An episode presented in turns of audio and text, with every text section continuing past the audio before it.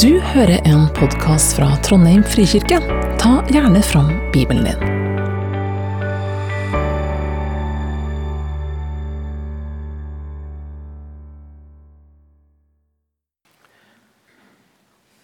Senere dro Jesus over til den andre siden av Galileasjøen, som også kalles for Tiberiasjøen. En stor folkemengde fulgte etter ham fordi de så tegnet han gjorde da han helbredet de syke.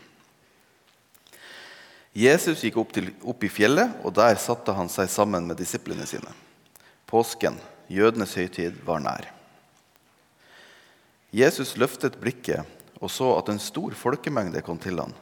Han sa da til Philip, 'Hvor skal vi kjøpe brød, så alle disse kan få noe å spise?' Dette sa han for å prøve ham, for han visste selv hva han ville gjøre. Philip svarte, 'Brød for 200 denarer er ikke nok til at hver av dem kan få et lite stykke.' En annen av disiplene, Andreas, bror til Simon Peter, sa til ham, 'Det er et barn her som har fem byggbrød og to fisker.' Men hva er det til så mange?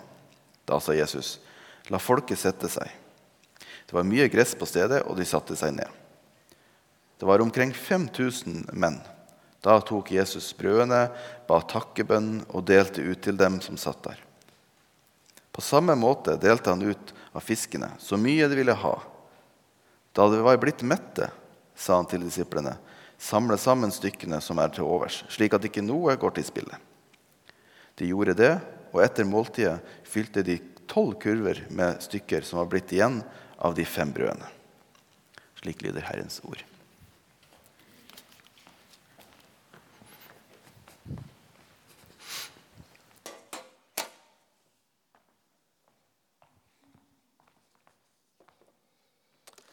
Dersom du har med Bibel, så kan du bla opp eh, og legge snora på eh, Markus kapittel 6 og Johannes kapittel 6. Det er samme, samme historie, bare med litt forskjellig perspektiv. og Jeg skal hoppe litt fram og tilbake. Men først et spørsmål. Hvor mange av dere husker 1991? Ja, det var en del. Jeg husker det ikke. Jeg var to år. Men det var året da kong Olav dør. Alles blikk er retta på begravelser som blir sendt på NRK1. For TV 2 det fins ikke, og TV Norge det er det ikke så mange som har. Jelena Welbe knuser alle damene på mistenkelig vis i verdenscupen, vil noen si. Og Tina Turners nye superhit 'Simply the Best' runger på stadion idet hun mottar kula for å ha vunnet verdenscupen. Arnold Schwarzenegger, Schwarzenegger, sa 'I'll be back' i Terminator 2. Sovjetunionen faller. Renta er på tur ned, og truen på fred og fordragelighet og et samla verdenssamfunn det når sitt klimaks på høsten når Internett blir lansert. Nå kan hele verden ha kontakt, samles blir knytta sammen. Året er 2023, 32 år senere. Internett er blitt like vanlig for oss i dag som Kneip og Dagsrevyen var i 1991. Men hva har skjedd? Jo, det her samlende prosjektet som Internett var, har blitt en av de viktigste katalysatorene for at verden oppleves mer polarisert og splitta enn noen gang. Vis med dine Facebook-ads, og jeg skal fortelle deg hvem du er. For Hvis du bor i Norge, så er det ganske stor sannsynlighet for at eh, du bruker mobilen over to timer i dag. Mellom to og sju timer, gjerne. Og Mest sannsynlig så vil du få reklamer tilpassa ditt behov. Du vil underholdes av TikTok eller Netflix som sender serier basert på det du ønsker å se. De har foreslått det. Du leser tweeter av folk som du liker, og får retweeta ting som de liker. Og du vil følge folk som du kjenner, og du vil lese nettaviser til og med som er tilpassa det og dine meninger og det du ønsker å høre. Og Den teknologiske hverdagen vår den har i dag baserer seg på ene sida høyresida sin markedslogikk og truen på at mennesker klarer å ta gode valg helt for seg sjøl. Og på den andre sida venstresidas identitetspolitikk og normoppløsning. Og hva blir resultatet? Resultatet blir et mer splitta samfunn enn noen gang. Oss trekker oss inn i vår egen lille boble, der oss hører kun ting som gir oss minst mulig motstand. Kulturkommentator Mike Sayers, Mark Sayers han kaller det 'digital capitalism' og 'new tribalism'. Oss drives fra hverandre inn i liksom nye stammesamfunn. Og mange peker på utfordringen med det. Dessverre så lar oss mange kristne oss rive med av det her og ende opp i vår lille boble. Men vi blir ikke bare delt i politiske meninger, at vi blir mindre åpne for tilgivelse og mistenkeliggjør andres motiv. Det er en del, Men en annen ting er at vi òg blir mer delt i preferanser. Og så er jeg så vant til å møte så lite motstand, mens i 1991 så hadde du NRK, og du måtte se på Norge Rundt hvis det var det som var på fredagskvelden. og du har ikke noe annet du kunne se på. Men i dag så får oss null motstand og ser på akkurat det vi har lyst til. Og hvis, hvis Netflix-serien ikke fyller våre behov etter to-tre episoder, så, så switcher vi til en ny serie. For når oss sitter to til sju timer på en mobil skapt for å gjøre oss avhengig, og derfor gir oss akkurat det vi ønsker å ha hele tida, så blir det vanskeligere og vanskeligere å akseptere motsetninger, middelmådig musikk, rare folk som er annerledes enn deg sjøl, og interiør som ikke helt matcher din stil. Men problemet er bare at mobilen og algoritmene og alt det, de gir oss bare det oss tror oss vil ha. For Ser du på tallene, så er det den tydelige tendensen at angst og psykiske lidelser bare går opp og opp og opp, og opp, spesielt til den gruppen som bruker mobilen mest, de unge. Vi trenger noe som funker, vi trenger noe motkulturelt. Noe som samler sjøl om det ikke er enkelt. Og velkommen til kirka, folkens. Jeg tror vi har noen gode nyheter å komme med. Jeg skal be. Herre, må du lede oss nå når vi skal gå inn i denne teksten her. Hjelp oss til å se dine skatter. Gjør oss lydhør for din stemme. Amen.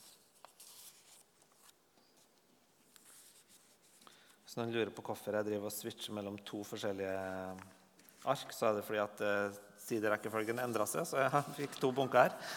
Um, når Jesus kommer til jorda, så må dere ikke tro at han kommer til et enhetlig samfunn er, um, ja, der alle er enige og alt mulig sånn.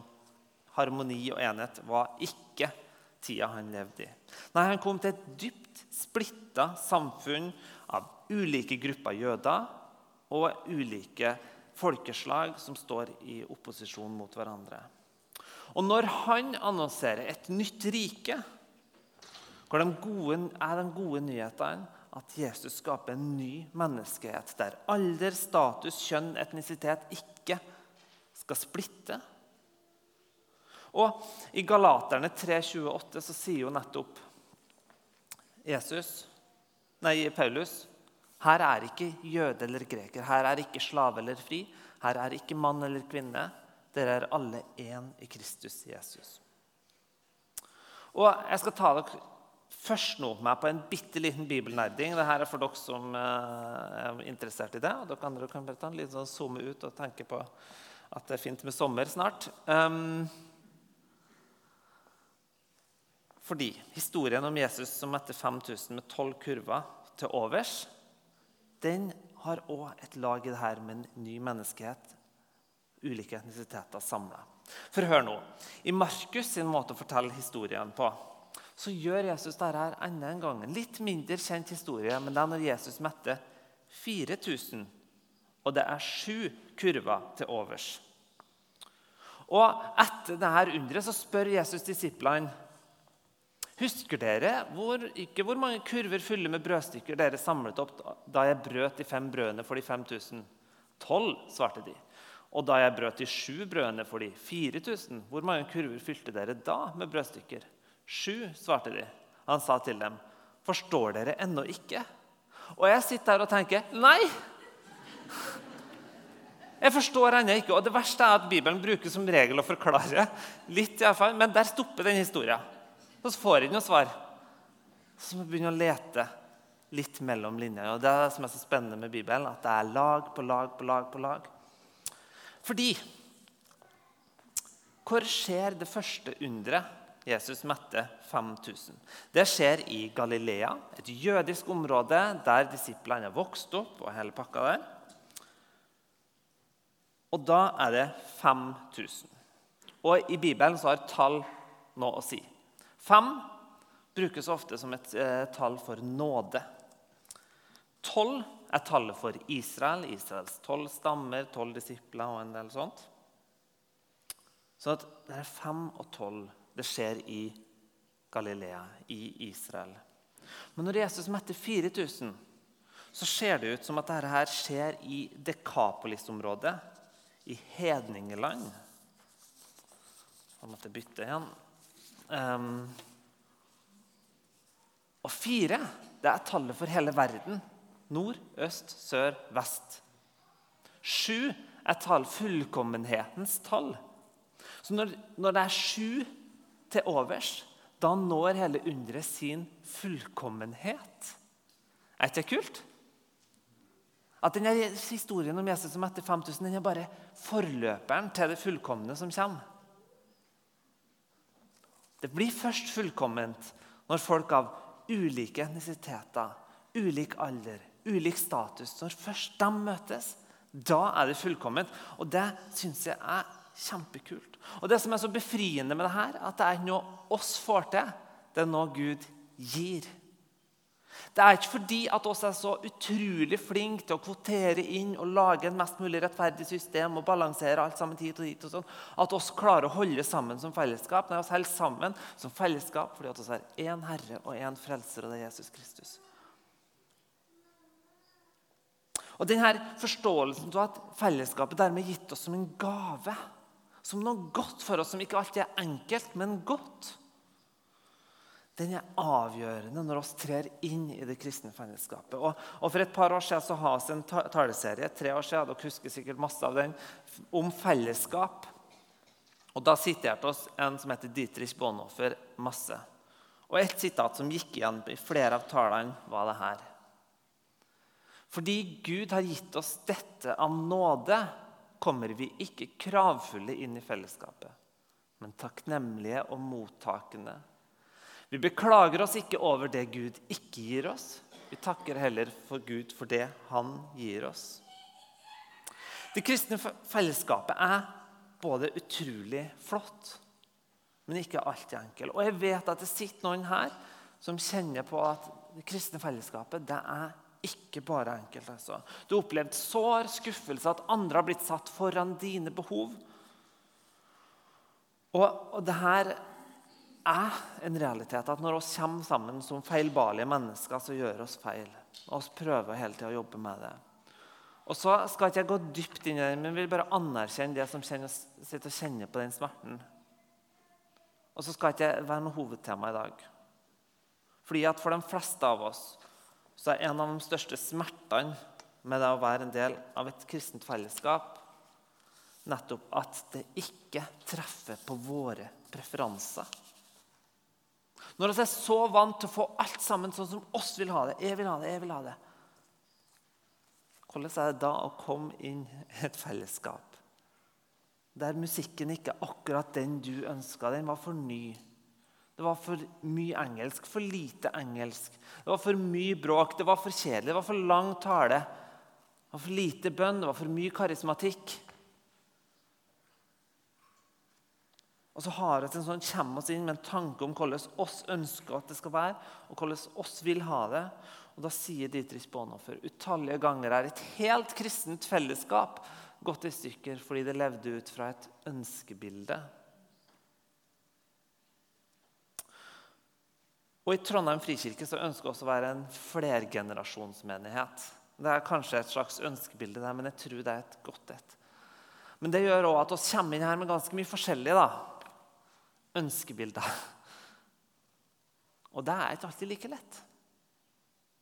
Og så må vi innrømme det. Men til tross for at vi kommer inn her som forskjellige mennesker, det treffer ikke helt da. Og, og sånn så har jeg lyst til å si det. Si det, si det en ting. Du er ikke velkommen hit fordi du passer inn i demografien. Fordi at du, har, eh, at du ligner ganske mye på sidemannen. Fordi at du liker sur kaffe og kvilt på veggene. Du er velkommen hit fordi at det står en som heter Jesus Kristus med åpne armer og ønsker deg velkommen uansett hvem du er, og uansett hva du har gjort. Derfor er du velkommen her. Og det er det som samler oss, og skal få samle oss. Og gjennom å være et fellesskap på tvers av alt dette her, alle skillelinjer, så har vi også en gyllen mulighet til å være en profetisk røst inn i samtida vår. For når var du sist på et arrangement der du så så mange forskjellige mennesker? Fra forskjellige, ulike lag av samfunnet? Det er ikke ofte. Kanskje jeg husker tilbake til juletrefesten på barneskolen når jeg var liten. Fordi Da måtte hele bygda stille opp, så da måtte alle komme.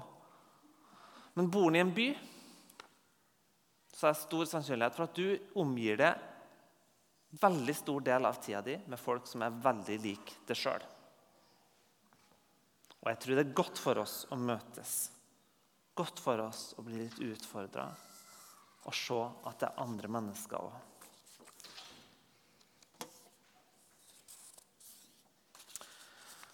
Men når vi snakker om det å være en flergenerasjonsmenighet, som jeg har sagt som tema her Det å være å ha fra de yngste, og så har noen som er bare tre-fire dager her i dag, og til de eldste,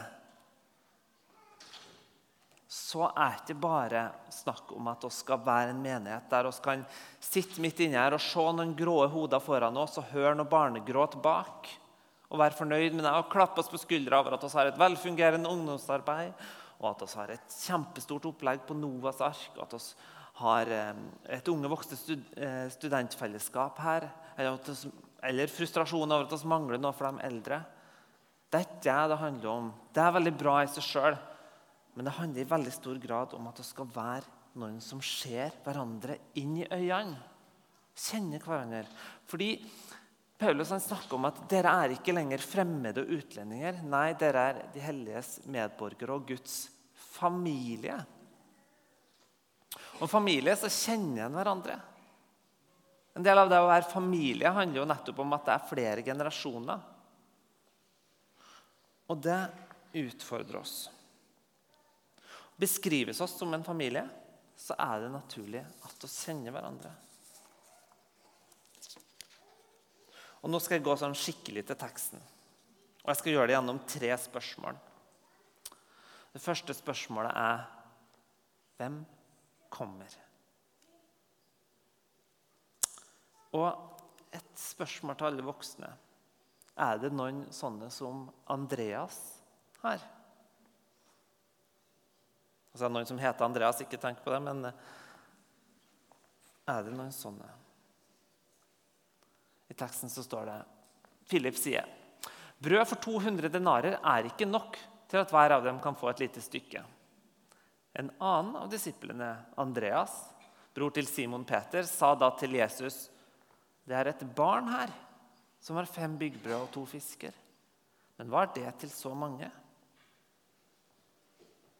Johannes han tar med en detalj her som eh, Markus, Lukas og Matteus ikke tar med i sine fortellinger. Han tar med om et lite barn. Og det tror ikke jeg er tilfeldig.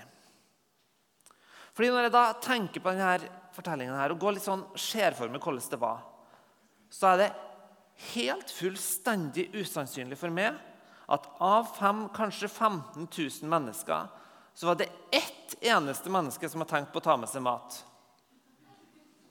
Er ikke det ganske usannsynlig? Til og med hvis de har hengt opp svære plakater i Kapernaum og bare skrevet 'Kom og hør god undervisning, gratis mat', det er alltid noen som tar med seg mat likevel.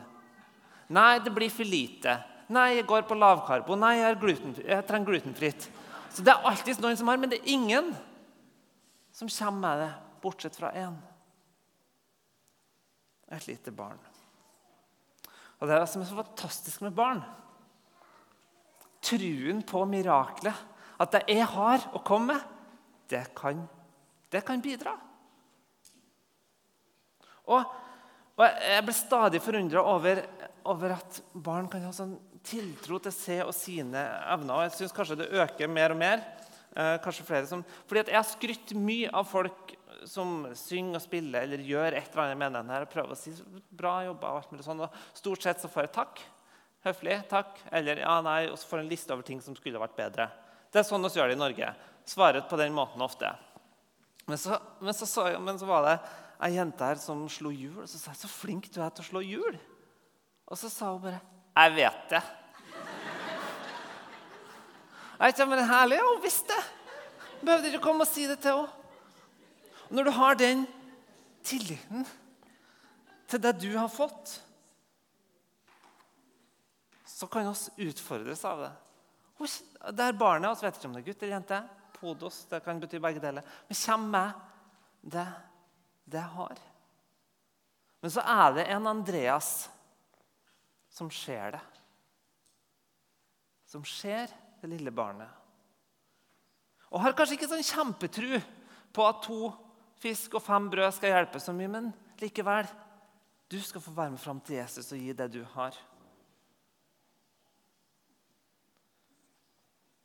Oss trenger barna. Oss trenger å bli som barn, men oss trenger òg Andreas. Og Jeg håper oss kan være en menighet som er inspirert av han, som ser dem, som fører dem til Jesus. Og det de har fått, kan velsignes. Og evner og gaver, så andre kan få det. Oss har mye fokus på barn og unge i menigheten her. De fleste av våre ansattressurser går til det. Det kan kanskje frustrere noen, men det er fordi at oss vet på forskning at de aller fleste tar valg innen de er 12 år, eller iallfall innen 18 år om de skal følge Jesus. Og Derfor ønsker vi å investere der. Men vi trenger også flere som er litt som Andreas, rundt om i salen.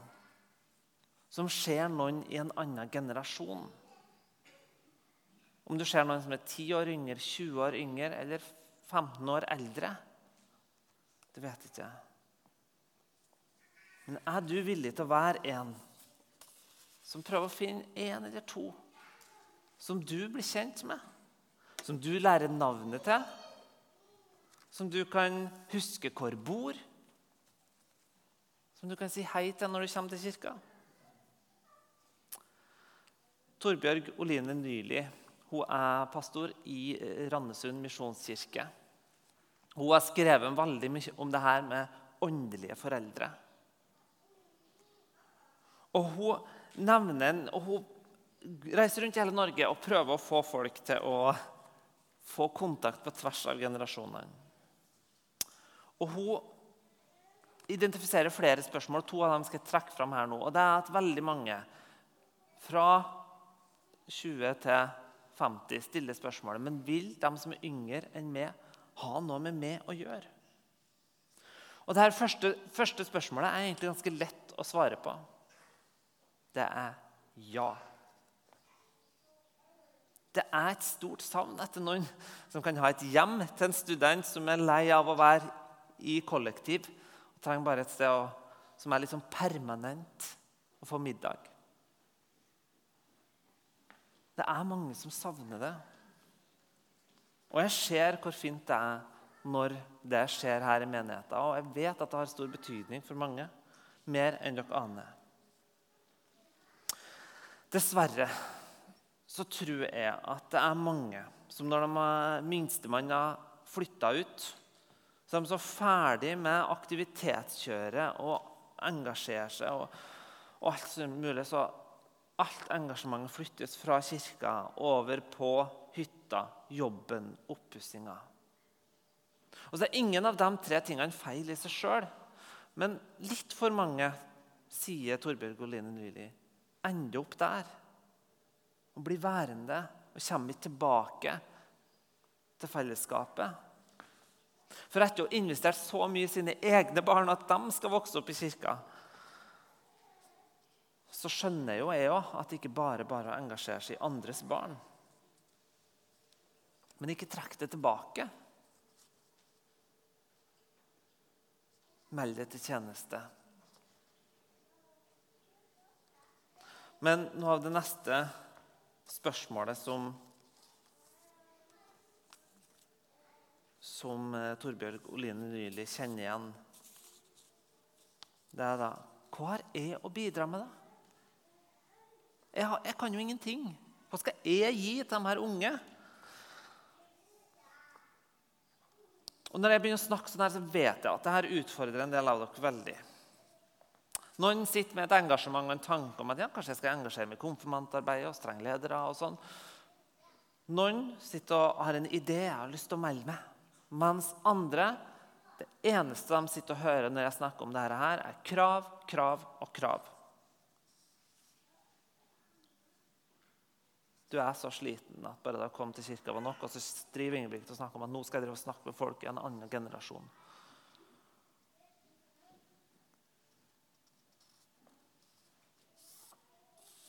Og jeg skal komme tilbake til akkurat det. Fordi det er en viktig del av det her. Så heng meg med.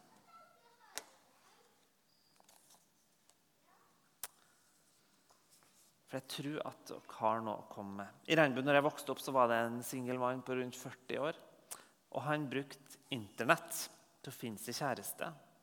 Det var jo sjokkerende nok i 2001. Minst like sjokkerende var det at hun var fra USA og skulle flytte fra en by med to millioner innbyggere til Regnbu med 2000. Erling og Shelly het de. Kanskje noen av dere kjenner dem. Han var bonde, rolig, trygg og stødig. En person som jeg, Han har vært i bedehusmiljøet, og alt mulig sånt, men jeg har aldri utveksla et ord med ham. Var en av dem som var der. Og Det var egentlig ikke så mye spesielt med dem. Men Shelly var fra Amerika, og det var nok for oss. Det var spennende nok. Og siden oss var programforplikta og tvingt til å være med på det meste av kristne aktiviteter, så møtte oss opp når de meldte seg som ledere i skolelaget. Og de åpna hjemmet sitt. Oss var hjem til dem, spiste popkorn med smør og sukker på og så på filmer. Noen gode kristne, noen sekulære filmer, og så så oss Left Behind. Og enkelte som så Left Behind, ble redd. Jeg enda opp i andre båsen og ble konspirasjonsteoretiker. Men, og Erling kunne da balansere meg litt ut. Nå må du roe det litt ned. Slutt å se på strekkoder som, og sånne ting. Men, men de åpna opp. Og de kjørte til impuls. Og de var der. Og Jeg kan egentlig ikke huske så mye av det de sa. Eller jeg tror ikke jeg husker noe av det de sa til oss. Men de var der og skapte fellesskap for oss. For det de har, virker kanskje ubetydelig for dem, men det har stor betydning i den store sammenhengen. Fordi Det egentlige spørsmålet er ikke hva du har fått. Jeg tror dere har fått nådegaver, evner og alt mulig sånn. Og Hvis du ønsker å utforske dem, så, bare kom og, så kan vi ta en samtale på deg og se. Kanskje ta en test eller noe sånt. Men du trenger ikke en spesiell nådegave for å bli kjent med noen andre. Jeg tror ikke Erling og Shelly har noen spesiell nådegave til det her, men de, de var villige. Kanskje oppdaga de at de har det likevel, men de har ikke oppdaga hvis de ikke gikk inn i det. Men som sagt, noen hører krav, krav, krav. Og da vil jeg bare si Det viktigste spørsmålet i teksten er ikke hva du har fått, til, hva du kan gjøre, men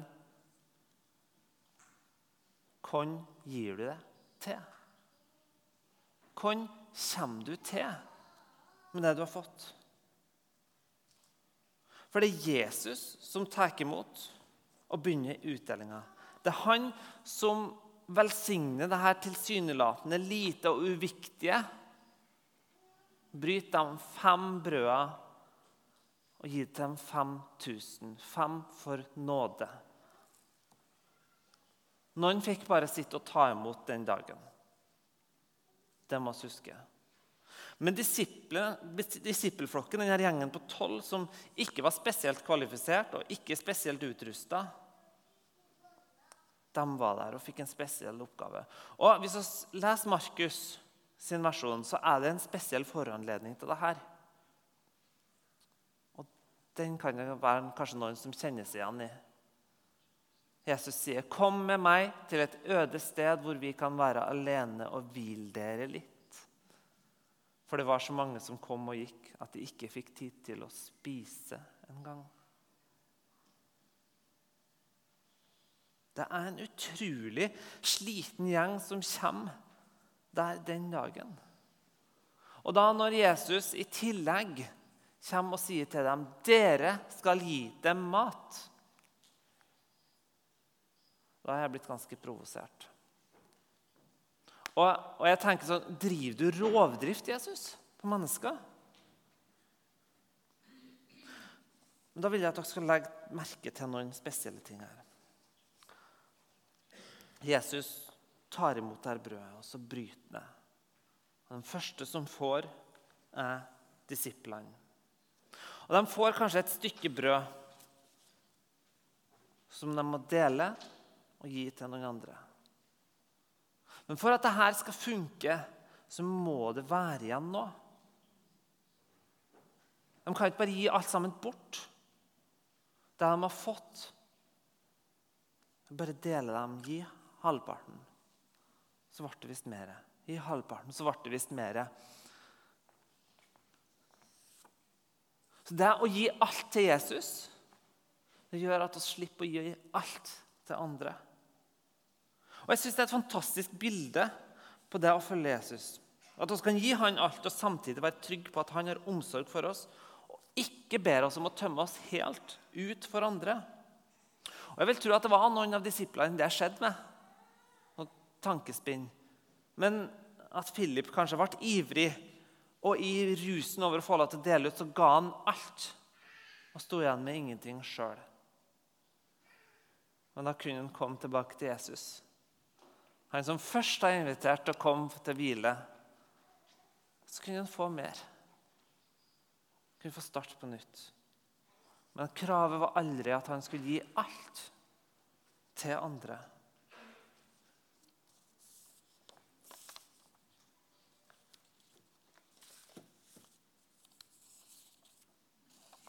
Og ikke nok med det. De kom dit med for lite.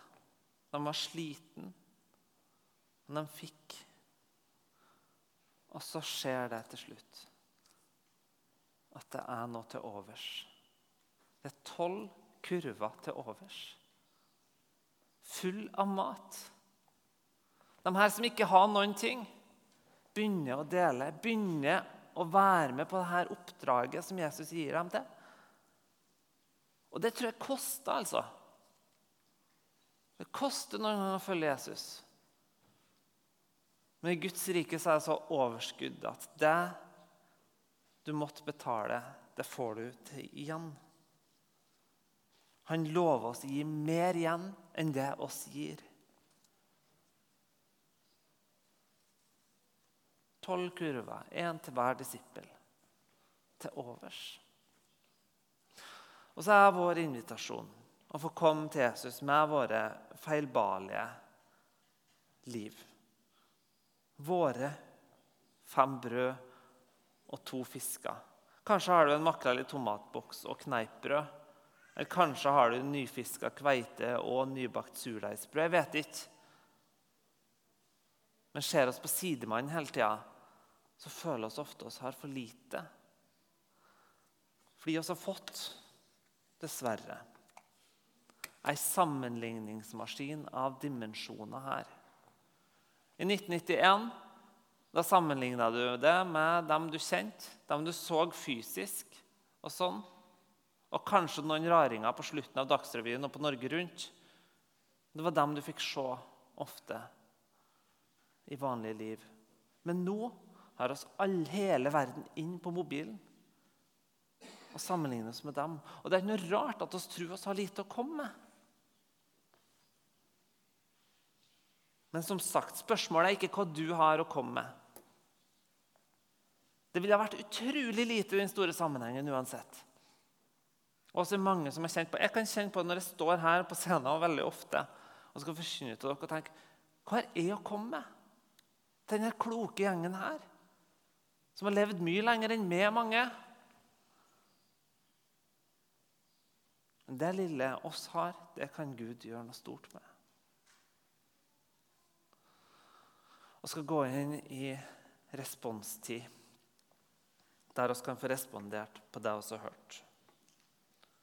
Og det er vel eh, som sagt Hvis det er noen som tror oss her i Trondheim frikirke at Gud kan tale til oss på ulike måter. Hvis du tror at du får noe som skal deles med fellesskapet, så kan du komme fram hit. Så ser vi om det er tid og sted her og nå for å gjøre det, eller om det er andre plasser. Og så er det lysklobe der. Dere kan skrive bønnelapper bak der. Så er det forbønnstasjonen her fram, og så lurer jeg på om også bak med korset. Og så har Ingebjørg og Nathan sagt at de kan stå framme her, og så kan de be en velsignelsesbønn over dere. Hvis dere har lyst til å bare komme, kom med hendene fram sånn, så kan dere få si navnet, ikke noe mer. Så kommer de til å be en velsignelse over det du har fått av gaver, evner og talenter. Det du har fått i armene, dine fem brød og to fisker. Så kan de be en velsignelsesbønn over det. La oss være i bønn. For at uh, du kan gjøre mirakel med våre liv. Både våre feil og mangler og våre gaver og evner. Hjelp oss til å ikke se på sidemannen hva den har, men se på det og hva du har å gi oss. Takk for at du ikke kaller oss til et liv der oss blir utslitt, men at du kaller oss til et liv i både hvile og tjeneste. Hjelp oss til å være en flergenerasjonsmenighet som ser hverandre. Hjelp oss til å høste fruktene av det og være forskjellig. Amen. Takk for at du hørte på. Velkommen til gudstjeneste søndager klokka 11. Mer informasjon finner du på trondheim.frikirke.no.